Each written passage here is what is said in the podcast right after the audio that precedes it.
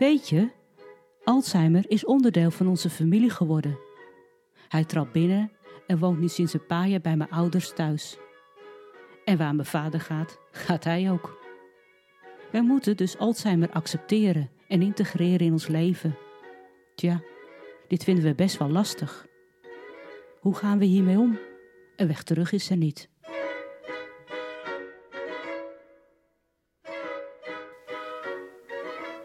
Hoi, welkom in de volgende aflevering. Vandaag, uh, voor mij dan, wil ik het hebben over de rijvaardigheid. En dan heb ik het niet alleen over hoe goed iemand kan autorijden, maar ook over het hebben van een rijbewijs en de rijtest. Net als de vorige keren benoem ik een situatie, hoor je mijn gedachten of die van mijn naaste. Misschien vertel ik een stukje levenservaring, een stukje levensgeschiedenis met een glimlach. Alleen nu in een andere volgorde. Ik begin bij toen mijn vader jong was.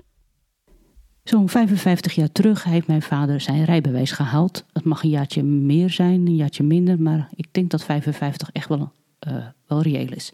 En hij heeft ondertussen heel veel rijervaring opgedaan.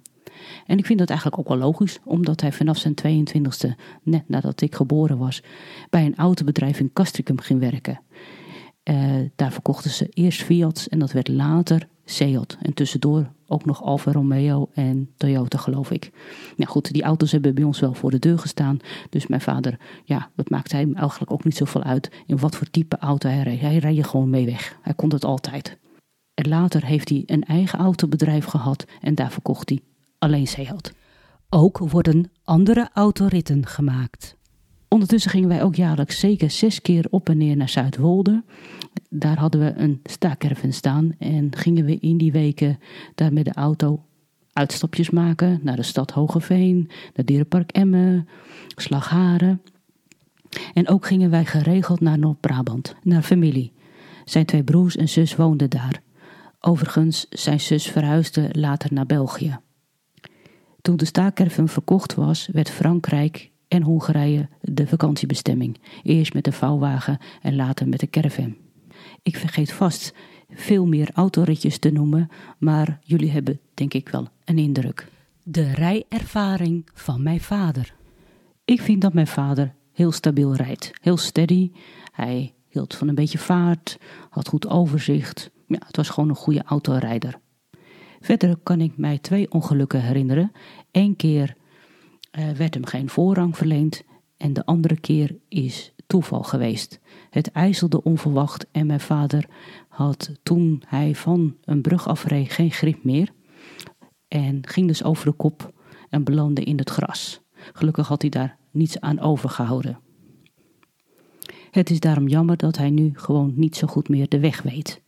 Je helpt hem als je zijn tonton bent. Rechts, links, over de rotonde rechtdoor en nu hoor ik sommige mensen vragen waarom geen echte TomTom? Nou, die heeft hij jaren gehad, zelfs ingebouwde, maar hij weet er niet meer zo goed mee om te gaan.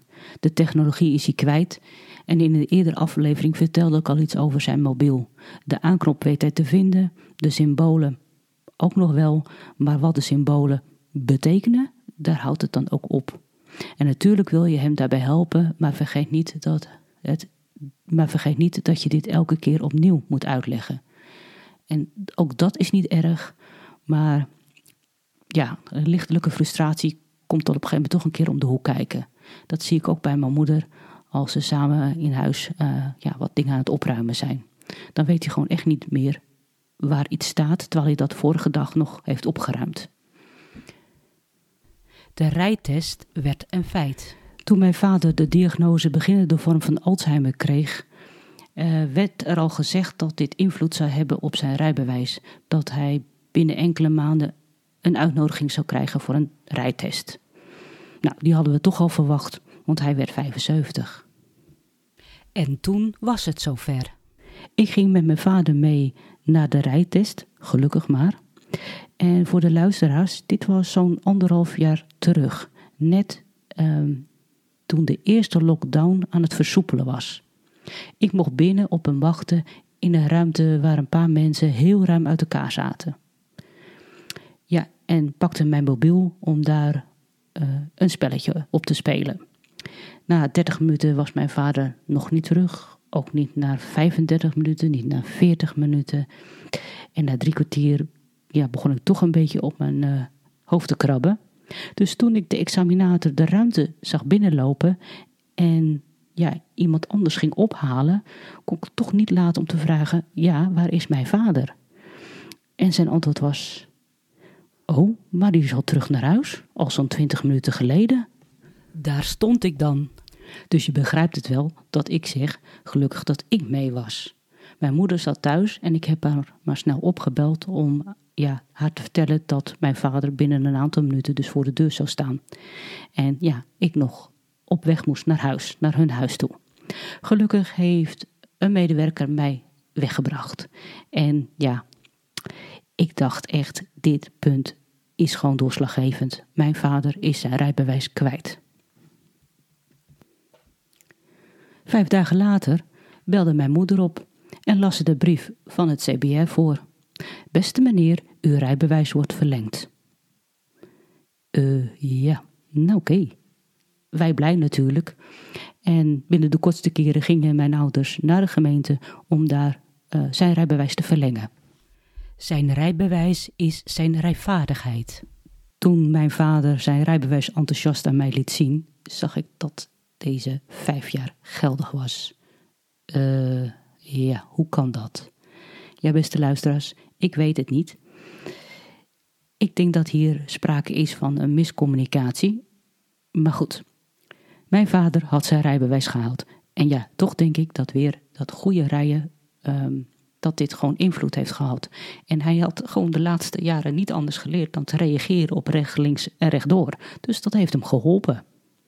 Goed, dit jaar verwachten wij een nieuwe uitnodiging, maar die bleef uit. Mijn moeder heeft zelfs nog een paar keer gebeld naar de gemeente, naar CBR, naar Geriant, maar niemand wist iets hierover te zeggen. Maar dan moet je toch iets stoppen. Omdat mijn zus en ik het rijden niet meer zo verantwoordelijk vonden. Hij reed wel eens weg zonder mijn moeder, maar wij zagen ook steeds vaker wat krassen op de auto. Vonden wij dus dat het rijden eigenlijk afgebouwd moest worden. Maar ja, het autorijden was echt nog wel een dingetje, want begon bij mijn vader niet over het niet meer mogen rijden en het afpakken van zijn rijbewijs of het afpakken van zijn autosleutels. We hebben toen aan de case manager van Geriant gevraagd of zij het rijden kon bespreken en zeggen dat dit niet meer kan. En ja, het is gelukt. Hij heeft het ook geaccepteerd. En nu zegt mijn vader steeds tegen anderen: Ja, ik mag niet meer auto rijden. Ja, je hebt gewoon soms een leeftijd en dan mag je gewoon niet alles meer. Dus hij heeft het geaccepteerd. Ik denk dat het niet meer hoeven rijden onbewust voor hemzelf een bevrijding is. Volgens mij heeft hij best wel eens een keer doorgehad dat hij gewoon niet meer goed doorhad wat hij aan het doen was.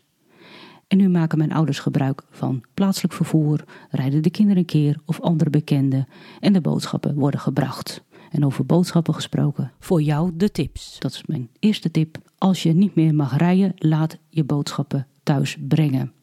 Zoek even uit wat voor jou het voordeligst is, welke supermarkt dus. Maar ook, uh, er is ook nog een prijsverschil tussen de ochtend en de middag. Tip 2. Schakel iemand in die jou kan helpen bij het brengen van slecht nieuws. Van iets dat lijkt als afgepakt worden. Tot slot, tip 3. Ga bij een rijtest mee als passagier. Je wordt niet vergeten, maar je kan ook gewoon lekker meerijden, meekijken hoe jouw naaste rijdt. En op het moment dat de rijtest afgelopen is, de examinator stapt uit de auto en jullie kunnen terug naar huis. Alzheimer in de familie wordt gemaakt door mij, Esther Zijlstra. De muziek komt van Julius Eastman. Super dat jij luisterde naar mijn podcast. En voordat jij en ik deze aflevering gaan afsluiten, heb ik voor jou nog één belangrijk dingetje. Abonneer je wanneer je alle podcastafleveringen overzichtelijk onder elkaar wil hebben. En als abonnee ontvang je automatisch een berichtje wanneer een volgende podcast van mij klaar staat.